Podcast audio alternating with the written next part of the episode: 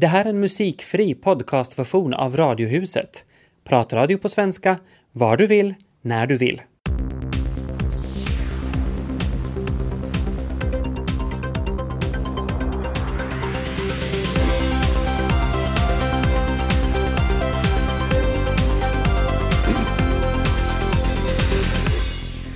Ingenting kan ju stoppa utvecklingen som bekant. Nu slutar världens äldsta engelskspråkiga encyklopedi att ges ut i bokform. Och vad är en dola och vad gör hon? Det får vi veta strax. I Radiohuset onsdag från Radiohuset i Böle. Med Tobias Larsson och Ami Lassila.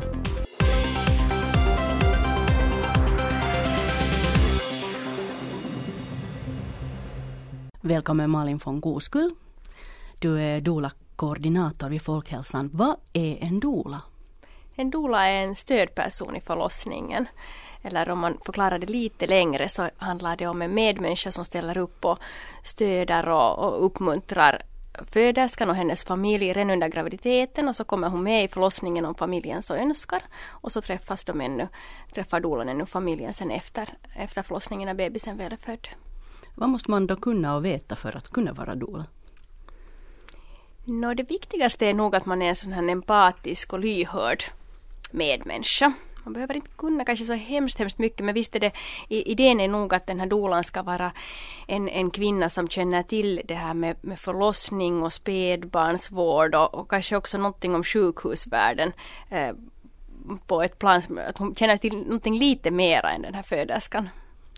Så vi har på Folkhälsan kommit fram till att det inte egentligen behövs någon direkt doula-utbildning, eller vi har åtminstone inte upplevt att det behövs en kurs för att bli en doula, utan man kommer med och så får man eh, ta del av våra doula, månatliga doula-träffar.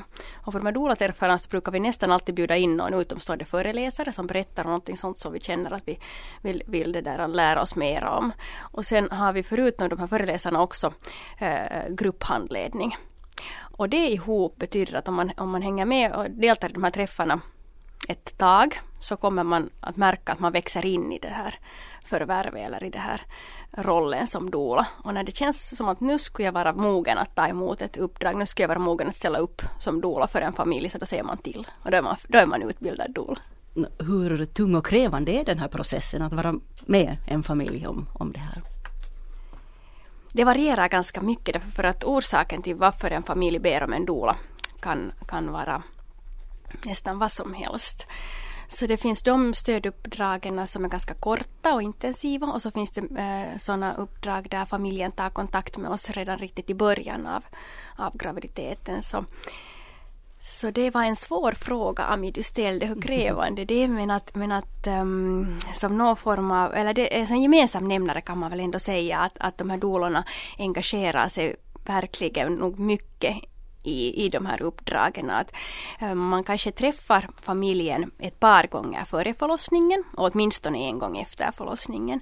Men däremellan så håller nog nästan alla dolor ofta kontakt per telefon eller per e-post med familjen och sen kanske det som jag tycker på något sätt finaste det är att de här dolorna verkligen gör det här på frivillig basis och, och de har ett sånt genuint intresse för den familjen. Så jag tror att alla dolor går omkring och funderar uh, väldigt mycket på de här familjerna och håller dem i tankarna. Varför behövs en sån här person då?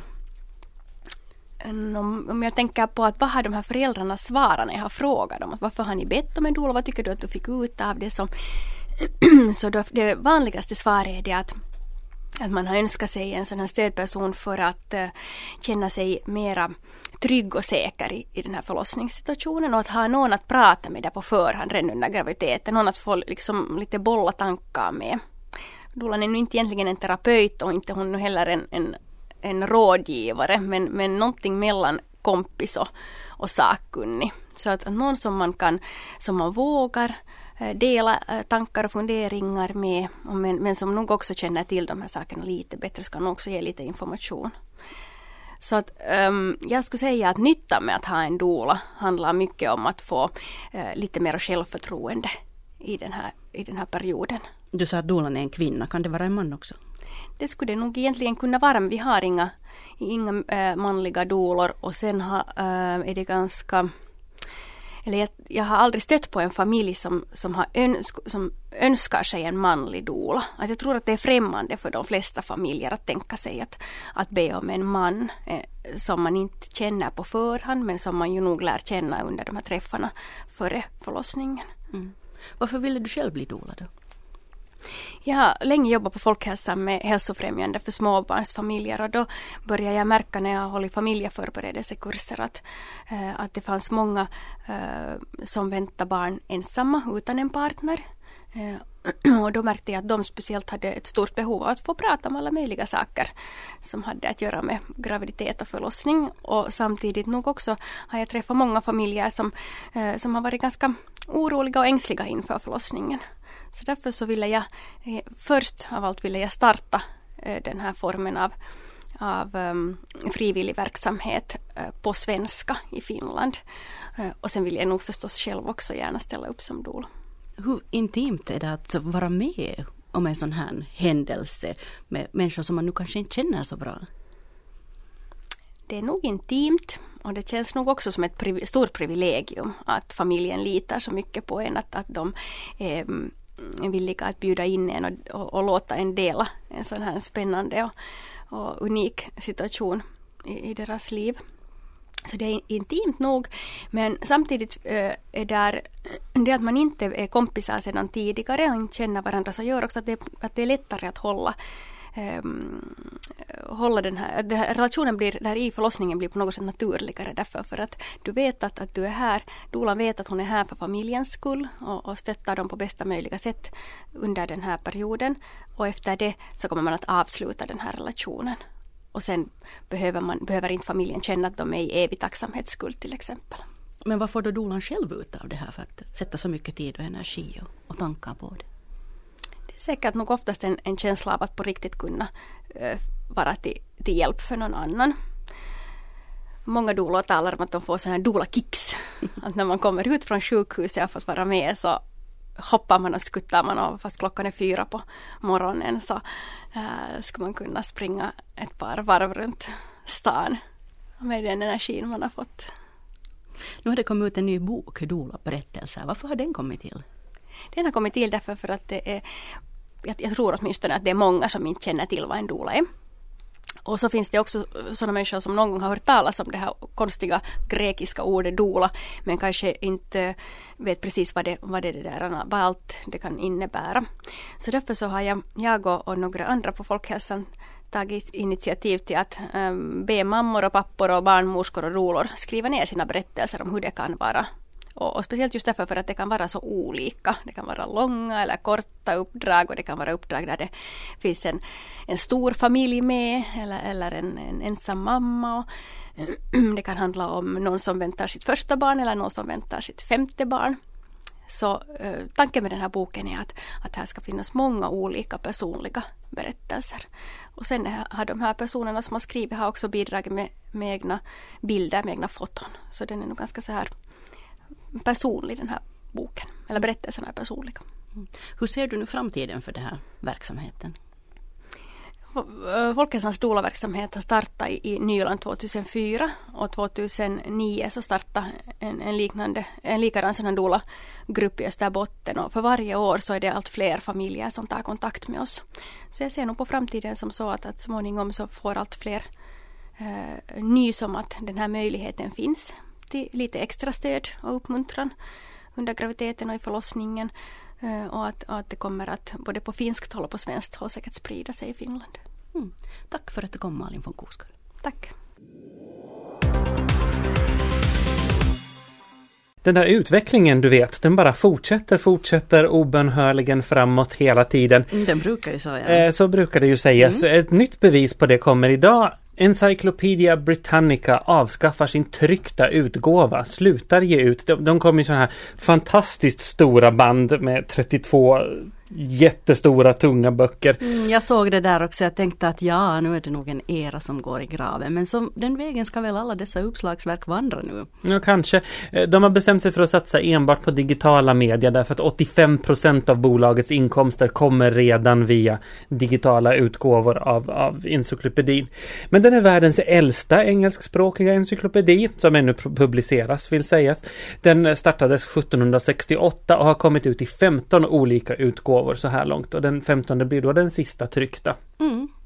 ganska imponerande måste jag säga. Ja, det är faktiskt ganska imponerande. Man skulle ha lust att se den där från 1768. Mm, Vågar man röra vid den, den faller kanske samman. De finns ju bevarade allihopa.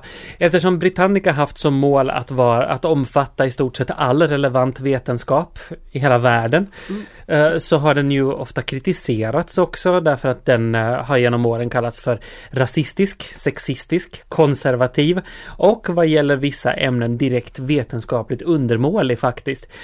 Eh, jag kollar upp här vad, vad det har funnits för sådana här skandalungar genom åren. Och exempelvis Marie Curie. Hon hann få båda sina Nobelpris med viss marginal dessutom innan hon fick en egen artikel. Ja, hon var ju kvinna. Det hon var ju kvinna. Med det att göra. Så när hon hade vunnit sina två Nobelpris eller fått sina två Nobelpris så, så nämndes hon fortfarande bara eh, i en bisats i artikeln om hennes man. Haha, det ante mig. Jag gissade mm. det. Så var det. Eh, I början av 1900-talet så hyllade Britannica Ku Klux Klan och kallade dem för en bringare av ordning efter det amerikanska inbördeskriget. Och en av de första utgåvorna från tidigt 1800-tal hånade Newtons gravitationsteorier. Liksom. Det där förstår man ju att det inte kan vara så. ja, man tyckte ju också att människor inte ska flyga eftersom de inte har vingar och så vidare. Jag menar, mm. de är ju ändå skrivna av människor och de präglas ju av sin tid och, och av, av ja, vad man nu tyckte då så att det där. Mm, fast vissa saker saker får de inte ordning på. Från irländskt håll påtalades det så sent som för två år sedan att artikeln om Irlands historia ger en väldigt orättvis bild och framställer ja. Irland i väldigt dålig dager fortfarande. Mm. Nu blir de digitala upplagorna lättare att uppdatera och rätta till, vilket ju är fint. Men vi har redan Wikipedia som lär ska vara precis lika, ha samma ackuratess som Britannica. De som är minst nöjda med det här, det är forskare som menar att tryckta media är vida överlägsna digitala när man ska forska. Att det är värdelöst att försöka slå i, i digitala uppslagsverk. Ja, det är kanske bara för att vi ännu inte är så vana vid det. Eller kanske de inte är uppbyggda enligt en sån logik som människor mm. klarar av. Och så är det ju något speciellt med de där böckerna. Men jag kan bara se framför mig alla dessa hem där det finns alla dessa rader av uppslagsverk radade i hyllorna fint. Och det har varit jätteinvesteringar. Det är ju otroligt dyra och dyrbara har varit och nu står de där bara och samlar damm. Men nu är det ju något speciellt med de här böckerna, just att slå upp i dem och dofta på dem fast oftast så är ju allting bara helt enkelt hopplöst föråldrat när man tittar i dem. Mm, svår fråga för framtiden, hur ska man fylla en bokhylla med ett digitalt uppslagsverk? Men äh, mitt i allt det här så, så tänker jag på min gamla gymnasielärare som brukar säga att hon brukade, det här var på 90-talet, så hon brukade klaga över att vi trycker alla våra saker med så undermålig papperskvalitet. Så att en vacker dag kommer masken att ha tuggat i sig all vår litteratur och framtidens människor kommer att se tillbaka på oss och undra varför människorna slutade skriva någon gång på 1900-talet. Mm, ja, jag undrar just hur beständiga de här digitala uppslagsverken är. Kommer det att finnas kvar någonting av vår forskning i framtiden? Nej.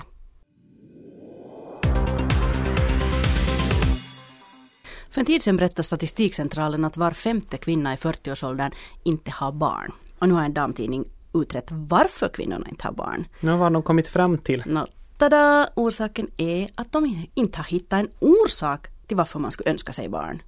Mm. Och så är det en stor del av det som också säger att barnfamiljens vardag det är helt enkelt ingenting man längtar efter. Så nu spekulerar man då kring att eh, det ser ut som kvinnor kring 40 idag är den första generationen som det är helt okej okay att inte skaffa barn. Det här omgivningens tryck som tidigare har varit väldigt, väldigt stort så att man ska önska sig barn för att få vara en del av den sociala gemenskapen. Så det har, det har liksom lite lättat åtminstone nu kanske. Kan det vara också sådana här gamla uppfattningar att man måste skaffa barn för att du vet inte sitta ensam eller trygga sin ålderdom eller någonting sånt. Kan, kan det liksom spela in det också? Trygga sin ålderdom, det kan det väl ingen ha tänkt på hemskt länge väl i alla fall? Ja, jag, vet inte, kanske. Kanske har något men så där jätteenkelt är det i alla fall fortfarande inte för att eh, de som har deltagit i den här undersökningen de har berättat om kommentarer som att nå är det fel på nedre delen eller är det fel på övre delen. Alltså otroligt folk som ser det som sin rätt och plikt att kommentera andras privatliv. De borde nog helt enkelt lära sig att hålla tyst.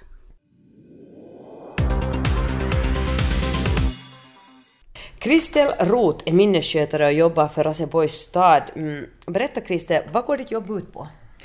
No, mitt jobb går ut på ganska mycket hembesök. Jag gör, gör de här olika minnestesterna och diskuterar med anhöriga och, och frågar förstås lite att, att vad, vad, är det som är problemet? Hur länge har det varit och, och, och så vidare. Uh, sätter labbremisser och, och, sätter vidare till läkaren, bokar läkartider och, och sen också uppföljning efter att man har fått en, en diagnos. Så följer upp och ser med, med tester och med, med olika och, och sånt. Hurdana minnestester gör du själv? Eh, jag gör en sån här som heter MMSE, en ganska kort test som går på en tio minuter ungefär. Sen gör jag också en, en sån här SERAD-test som är lite längre som tar en, en dryg halvtimme. Är, är de här testerna svåra att klara av? Eh, eh den här korta testen, MMSE, är inte, är inte så svår. Nej, mm. nej, inte för de som inte har så stora problem. Men den här SERAD-testen kan, kan vara, där, där är många olika områden som man går igenom och, och, och det där, då kan det komma, där, där kan man bli fast så att säga. Mm. Ganska bra. Vem är det som tar kontakt med dig innan du gör de här besöken och innan du utför tester? De, de, de som tycker att de har minnesproblem tar själv kontakt många gånger. De har kanske varit i kontakt med hälsocentralen och därifrån fått min nummer och sagt att de vill ha en läkartid till, att de har minnesproblem och, och kolla minne och då tar de kontakt. Men sen tar också vård i hemmet tar kontakt, läkarna tar direkt kontakt, eh, anhöriga tar mycket kontakt. Ja, ja så att, att det där, den vägen nog. Det, många är det idag som, som har minnesproblem som bor ensamma. Och, och, det där, då att försöka få tag ändå på anhöriga och bekanta och den vägen kanske få dem vidare till, till undersökningar och, och, och, det där. Men sen också få de andra stödformerna vi har i, i stan vi, vi har ju vård i hemmet som hjälper till med mycket. Vi har, vi har de här dagverksamheterna och, och sånt här. Att, att det där, de, de är sen viktiga där i det skedet att, att få, få in i livet hos människorna. Nå, vad gör ni här på Minneshörnan? Det är det här vanliga dagliga, vad man gör på en dag, men också mycket minnesträning, det är ord, det är siffror, det, det är lite enligt kanske årstiden pysslar och sysslar och, och, och använder, använder både, både kroppen men också hjärnan och, och, och tränar hjärnan riktigt med, med olika spel och, och, och sånt här. Kan man förbättra sitt minne genom att till exempel träna hjärnan fast man kanske redan har en diagnos, att man har någon, någon minnesstörning eller minnessjukdom? Absolut, jo. Mm. Vi, vi har sådana som, som vi märker bra skillnad på här och, och det där Tyvärr så har vi ju haft så på sommaren att vi har haft stängt här tre veckor. Och då märker vi en stor skillnad på de som kommer tillbaks då får man börja träna igen. Och riktigt sådana vardagliga saker som att använda telefon kanske och, och, och, och ord. Vad, vad, betyder de och de orden och, och, sånt här. Så att, att vi märker skillnad när de kommer tillbaka från, från sin semester eller vår semester. Hur lätt eller svårt är det att diagnostisera en minnessjukdom?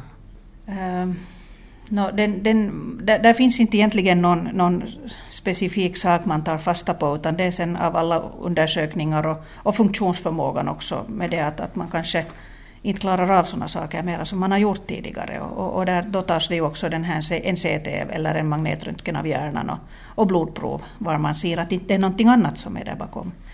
Det finns ju sådana problem också som, som till exempel B12-vitamin eller, eller något sånt här med, med sköldkörteln kan göra. Och, och en vanlig urinvägsinfektion kan göra stora problem med minne. Och en depression. Mm, så allt är inte demens eller Alzheimer eller nej, något annat? Nej, det, det, är det faktiskt inte. Nej. Och, och det där, många är det som, som kanske har en, en, en depression eller en, en sorg som är obearbetad som, som gör att man, man, man det där får problem med minne och, och börjar tappa bort saker och lägger saker. Och, och, stress är ju en sak. Det är ju det att det är inte bara gamla människor idag som har minnesproblem. Utan där kommer också de här i arbetsför ålder som, som har en, en jättestressig arbetssituation. Vilka varningssignaler ska man ge akt på då själv? Sådana saker som till exempel att man börjar lämna in eh, nyckeln hela tiden, man, man har plånboken borta, man klarar inte av de här sakerna mera som man har gjort tidigare. Det blir problem att sköta sin hygien och sina räkningar, sina bankärenden. Eh, man tappar bort sig, då, då kan man ju vara en god bit på väg redan tyvärr. Men, men där kan också en urinvägsinfektion vara, att man, man blir hela, hela dags, eh, dagssysslorna far, far helt liksom, blir, blir råddiga och går, blir tokiga. Ja, du sa ju Ja. Kristel att allt yngre drabbas av minnesstörningar. Mm. Hur ung kan en, kan en människa vara till exempel som, som blir riktigt minnessjuk? No, 50 plus ska vi säga. Såna, såna har vi nu som har varit sjuka från, från lite på 50 år. Att, att det, där. Det är väldigt ung ålder. det är ung ålder och arbets, i arbetslivet än och, och till och med kan man ha ganska, man kan ha tonåringar hemma. Som, som där blir den, den saken också, liksom att ta familjen med och, och, och, och det här, få, få dem att förstå, plus alla andra släktingar och just då arbetslivet. Att, att, att, att, Hur viktig är medicineringen vid, vid minnesstörningar? Eh, Den är viktig. Men, men det är en del. Där är ju också maten är viktig, näringen är viktig. Vara ute, vara, vara social, få den kontakten, hålla upp det här också med, med allt. Att, att det där. Men, men det är viktigt med medicineringen och medicineringen att den är regelbunden. Och, och där då kommer också vård i hemmet in som, som hjälp att, att se till om det är någon som är ensam. Att de får regelbundet sin medicin. Det som vi ju vet idag är ju det att det forskas en massa och, och, och det pratas om mediciner som, som kanske skulle till och med bota men, men, men det där, inte, inte har det kommit någon sån ännu. Tills vidare bromsar de bara. De bromsar upp, ja. ja och, och, och gör kanske just det att, att de gör ju inte minne något bättre på det viset. Men, men de gör det att man fungerar i den där vardagen bättre. Och, och klarar av det som kanske har fallit bort redan, sådana saker. Att, att det där, klarar av att bo hemma. Hur hög eller låg är tröskeln då för folk att man söker hjälp? Att man, man ringer då till exempel dig som Mm. minnesskötare och säger att nu undrar jag om min mamma, pappa eller jag själv Mm. har problem. Eh, Jag tycker det har blivit mera och mera liksom lägre tröskel. Och, och, och det där, eh, åtminstone åt de som, som har lite problem med minne, som, som det inte kanske inverkar så mycket på vardagen ännu. Men, men de märker sådana här små saker. De, de glömmer bort kanske namn, de, de, de glömmer bort att var, var har de sina saker hemma och sånt här, att de förlägger sakerna och sånt. Att, att sen, sen blir det mera problem och, och, och mycket, mycket högre tröskel för de som har sen stora problem med minne, att, att då är det ju, då vill de inte komma mera. Varför inte det? Eh, Det är säkert en jobbig sak att, att få kanske en diagnos som en, en, en Alzheimer som, som man vet idag att, att inte går att bota. Jag tror att, att program som visas så är ju det att, att de visar den här sämsta sidan många gånger av det. Och, och då ser man kanske det och vet att, att så där kan jag vara själv, att vad månne jag har. Nu, vi har varit redan inne på det här med att stress kan just förorsaka att allt yngre drabbas av minnesstörningar och till och med minnessjukdomar. Precis. Mm. Är det liksom samhället nu som vi kan skylla på på något sätt? Det är att vi liksom har så mycket stress, vi har så mycket liksom järn i elden. En del till och med skyller ju på att, att det är när vi pratar så mycket mobiltelefon som gör att, att våra hjärnor upphettas och allt det här leder småningom till att våra minnen försvagas och, och så vidare. Vad tror du? No, stress är en stor sak och, och idag så, så det där, man, man får inte göra något saker färdigt. Allt blir på hälft. Man blir störd hela tiden och som du sa så mobiltelefonerna de ringer ju hela tiden. Människor får en massa mera jobb att sköta och, och det blir övertider och det blir, det blir att, att det där. Jag tror nog att, att stress är en stor orsak. Vad är målet egentligen med att man bland annat här i Raseborg har en egen minnesskötare? Vad är tanken? No, tanken är ju den förstås en stor sak att, att tröskeln ska vara så låg som möjligt. Att, att komma vidare. Att man egentligen inte ska behöva gå via en hälsocentral och en läkare. Utan, utan att man skulle komma då, ta kontakt med minnesskötaren med mig och, och, och, och det där och, och få att samma människa skulle vara där och, och, och, och sköta och föra vidare och, och, och ta fram de här stödformerna som finns och, och, och sånt här. Att, att, att det där, och, och i så tidigt skede som möjligt. Få undersökt vad är det som ligger bakom de här minnesproblemen. Eftersom inte alltid är en minnessjukdom. Minnesskötare Kristel Roth intervjuades av Tina Grönros. Här i Radiohuset fortsätter vi att prata om äldre, men då om äldre, nåja, äldre och äldre 45 till 67-åringar på jobbet. Det är faktiskt till nytta för företaget visar en färsk undersökning i Tyskland. Mm, jag tycker kanske inte att man är så hemskt gammal vid 45. Nej, inte Det jag kanske heller. bara jag. Eh, undersökningen pekar i alla fall på att de absolut mest effektiva man kan ha på jobbet anställda, det är de som är i åldern 45 till 49 år. Ja, Som får ungefär 0,7 procent mer gjort än alla andra. no, det ser man ju här och hör. Ja, mm, precis, exakt. Vi, vi låter det gå okommenterat. Vad det beror på att just 45 till 49-åringar får 0,7 procent mer gjort, det verkar man inte riktigt veta. Det framgår inte av den här undersökningen riktigt. Men om det kan motverka åldersrasism så är det ju jättebra. Mm. Lite slår det mig att eh, man har ju precis i Tyskland bestämt sig för att höja pensionsåldern till 67 år. Så kan det här vara någon form av beställningsarbete för att påverka opinionen. Inte skulle någon göra någonting så manipulativt, inte. Nej, inte tror vi på det. Men vår kolumnist hon fortsätter på temat gamla människor men nu kombinerat med pratande matautomater och det får henne att uppmana blivande åldringar till uppror. Igår morse råkade jag läsa ett par saker som egentligen inte alls hade med varandra att göra, förutom att det handlade om gamla människor. I söndagens huvudstadsblad, som jag av någon anledning inte hade öppnat tidigare, läste jag om den falske svärsonen, det vill säga mannen som har lurat eller försökt lura pengar av äldre finlandssvenskar genom att påstå sig vara någon bekant. Bedragaren lyckades nästan få 1002, nej, 12 000 euro av damen som i artikeln kallar sig Helena. Så det finns tydligen damer i åldern 90 plus som sådär bara knallar iväg till banken och lyfter 12 000 euro. I gårdagens Österbottens tidning råkade jag läsa en insändare om talande måltidsautomater för äldre. Jag har sett att det tidigare har skrivits artiklar om de här automaterna men jag har låtit bli att läsa dem och på något vis hoppats att det kanske skulle ha varit fråga om halvdåliga skämt. Men de här matautomaterna finns tydligen. Och i den här insändaren hittar jag också adressen till den firma som Distribuera de här automaterna. Jag går in där och klickar av nyfikenhet på presentationsvideon. Och visst, matautomaten pratar faktiskt. Det finns också länkar till tidningsartiklar där jättenöjda kunder påstår att de aldrig i livet skulle ge bort sin måltidsautomat. Jo, jo, tänker jag cyniskt. Undrar vad de har mutat den gamlingen med.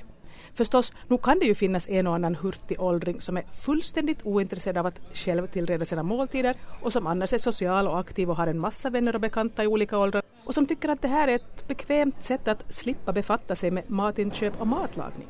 Men vi ska kanske ändå inte inbilla oss att motivet för att de här maskinerna har hittats på och tagits i bruk skulle vara någon sorts välmenande omtanke om de gamla.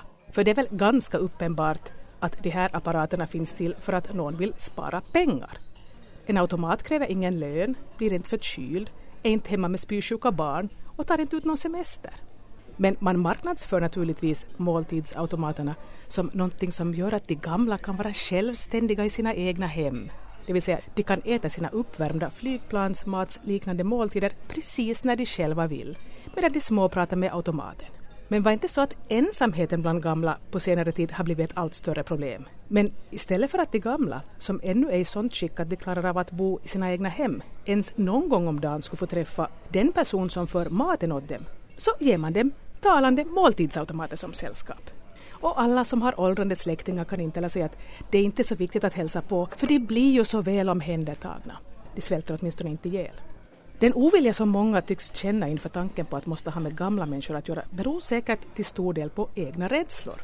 Vi är livrädda för att tvingas inse att vi inte heller kommer undan. Att om man lever länge så blir man gammal, med allt vad det innebär av kroppsligt förfall. Och det vill man ju faktiskt inte bli påmind om.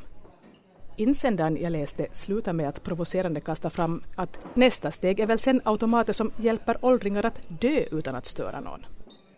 Nej, sablar också tänker jag. Man skulle redan nu borde börja uppvigla andra i samma ålder och bilda någon sorts blivande åldringars motståndsrörelse så att vi själva kan bestämma hur vi ska ha det sen när vi inte längre klarar oss utan hjälp. För om inte vi själva nu försöker styra utvecklingen så är risken stor att man sen sitter där som gammal skröplig gumma tillsammans med en pratande utfodringsmaskin och är alldeles för orkeslös för att ens kunna hötta med käppen när man en vacker dag förses med en låtsasvänligt talande avlivningsautomat som någon empatibefriad innovativ 22-åring i värsta fall redan nu håller på att utarbeta och som inom några år kommer att vara en ännu större exportsuccé än de arga fåglarna. Men det skulle förstås vara lättare att organisera sig och jobba för en värdig, icke-automatiserad ålderdom ifall det skulle finnas pengar.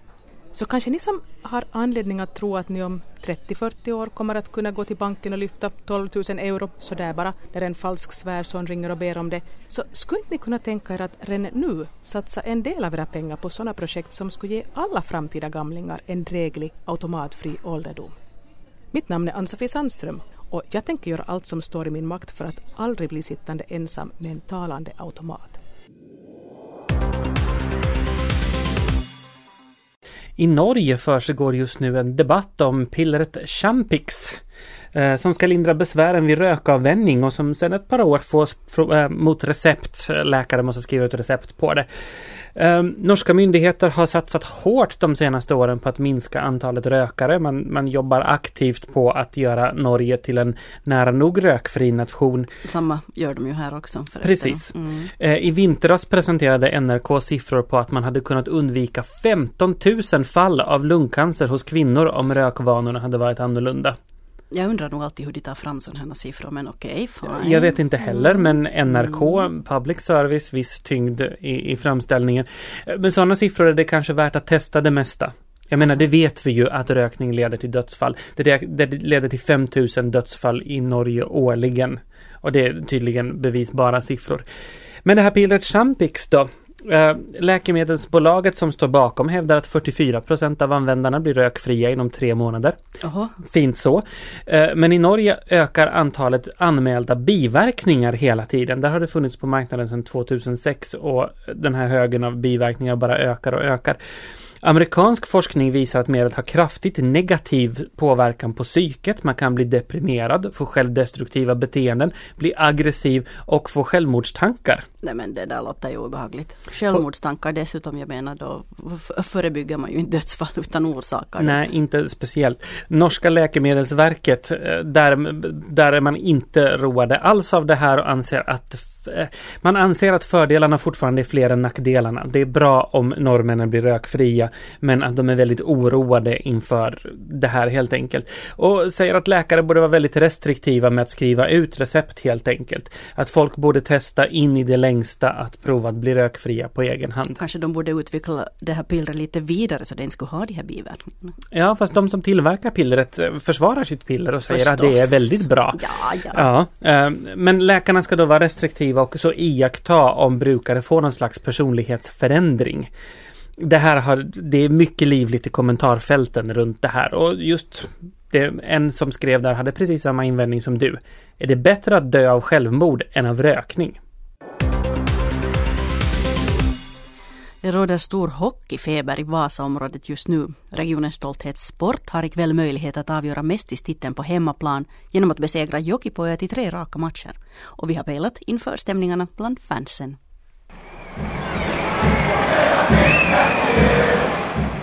En mycket trogen sportsupporter så är du Rolf Westerback. Dessutom så har du ett förflutet som spelare någon gång på det ljuva 60-talet. Hur känns det nu inför drabbningen ikväll? Ja, det är en spännande match vi har framför oss och uh, vi ska hoppas att det går vägen. Det är en mycket svår match men jag tror vi kan fixa det. Du är väldigt ofta i ishallen. Vad tycker du om fankulturen just nu här i Vasa? Eh, det är någonting speciellt och jag tror många idag önskar sig rent av att sport ska komma in till ligan för att få lite in av det här fansen som finns här i Vasa. Det är mycket speciellt. Hittills i finalserien så har det blivit två knappa segrar för sport eh, och det är i förlängning båda gångerna. Vad tyder det på enligt dig?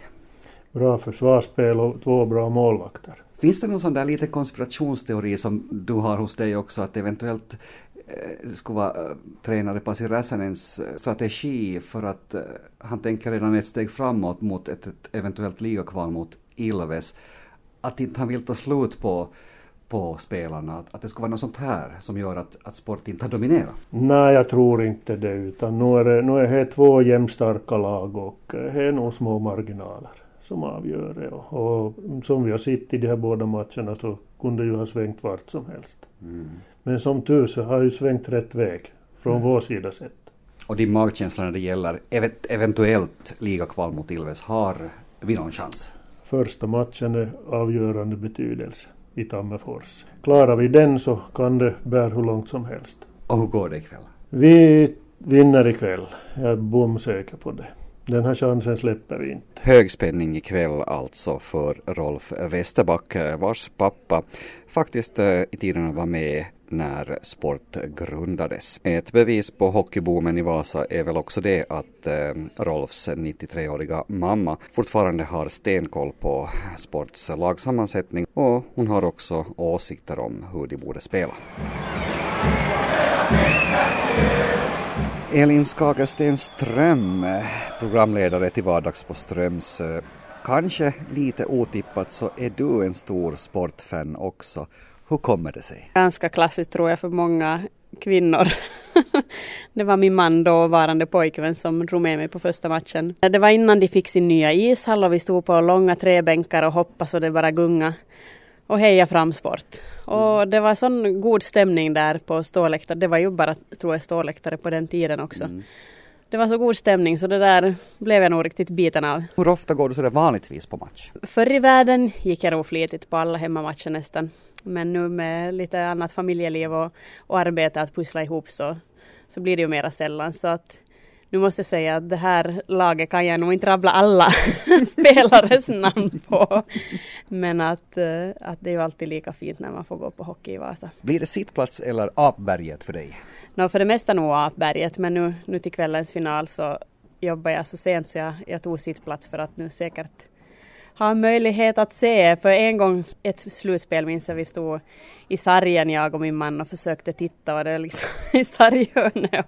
Och jag som är kort så hade nog svårt att se med liksom fyra rader människor framför mig. Mm. Nå, Appberga ska vi väl säga så det är där de riktigt eh, trognaste sportanhängarna, de som hör till Red Army, eh, absolut parkerar sig i kortsidorna. Ja, och jag hör ju inte förstås till Red Army men eh, det är ju ändå den där stämningen och nu är jag med och ropar också. Försök dig på att beskriva stämningen som, som finns där under en, en viktig playoff-match som ikväll. Ja, inte bara under viktiga playoff-matcher utan liksom under viktiga toppmatcher så, så är det nog en spänning och alla hejar även om det är underläge och fortsätter heja matchen igenom. Och ofta också om inte har varit en riktigt usel match, tacka spelarna efteråt också för god match. Och det, jag tycker det, det är liksom det där fina. Att även om det är många som, liksom, som sitter också som fort rusar ut innan det liksom spelet ens är avblåst. att man står där och, och säger tack och det här var bra jobbat, fortsätt. Spänningen och den här förväntan alltid inför match och, och när det är täta matcher, det, liksom, det går inte att, att få på annat sätt. Så hur känns det nu där nere i maggropen? Blir Sportis Mestisvinnare ikväll? Uh, jag hoppas ju på det. så att man ska få börja ladda för ligakval. Men det är sådär med idrott, man, man vet aldrig förrän liksom båten är i hamn det är nog bara att vänta och se och det är liksom hjärtat går och liksom pulsen slår nog på högvarv. Det är inte bara vuxna som drabbats av hockeyfebern. Ulrika Stagneslund tog sig till dagisavdelningen Åkerbären i Kvävlax för ett snack med fem och sexåringarna Milan Lerbacka och Jakob Rönnqvist. De har i motsats till Elin här just sportslaguppställning på sina fem fingrar. Jussi Tapio har 17 och Mikko Halva har 91 och Juuso Marski har 11. Eetu Heikkinen har 5. Och Joni Fuhala 34 och Haino Laitinen har 92.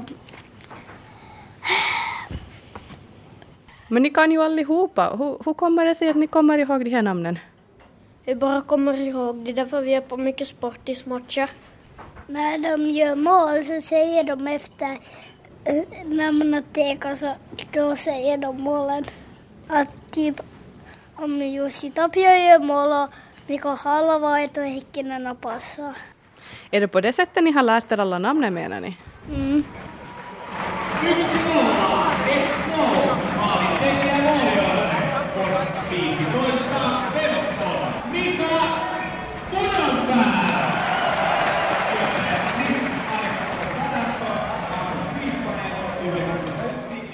Hur mycket sportismatcher brukar ni vara på då? Nästan alla.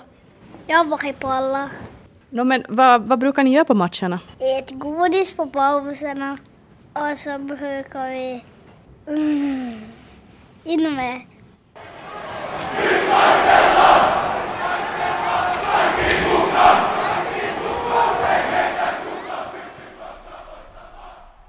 Och sportsupportrarna Milan Ledbacka och Jakob Rönnqvist pratade med Ulrika Stagnäs Lund och vi hörde också Elin Skagersten Ström och Rolf Westerback och de intervjuades av Peter Falund jag läser i svenska tidningar om ett nytt datavirus som eh, inte raderar dina filer eller någonting sånt men som lamslår hela din dator. Nej men igen. Ja det är ju illa nog men det är fräckt också det här, det här viruset. Därför att det påstår nämligen, du får ett meddelande så påstår det, påstås det att det är från polisen. Och att du, du har brutit mot någon lag och sen så sätter den ett lås på hela din dator och så får du meddelandet att du måste betala tusen kronor eh, direkt på ett konto som är uppgivet för att få den upplåst. Ja, alltså det viruset tar hela datorn som gisslan. Skulle man kunna säga. Naturligtvis är det inte polisen som gör sånt. Det är lika äkta som de här konstiga mejlen ifrån från Nordea. Nordea skickar inte meddelanden från Hotmail. kan jag ju berätta för er som Snart inte... Snart tror man ju inte på någonting som man får här på mm. datorn på riktigt. Nej, men det är inte polisen som gör det och det, man ska inte betala ett ruttet lingon till någon. Det man ska göra är att man ska ringa en dataexpert som kan rensa låsa datorn, låsa upp den och plocka bort eventuell skadlig kod som har satt sig någonstans i din hårddisk. Ja, man blir ju nog lite förskräckt över sånt här. Men vi hörs imorgon om datorerna vill från Björneborg. Vi hörs.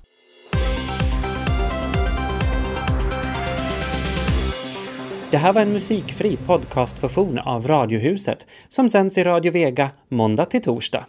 Mer information om programmet hittar ni på svenska.yle.fi radiohuset.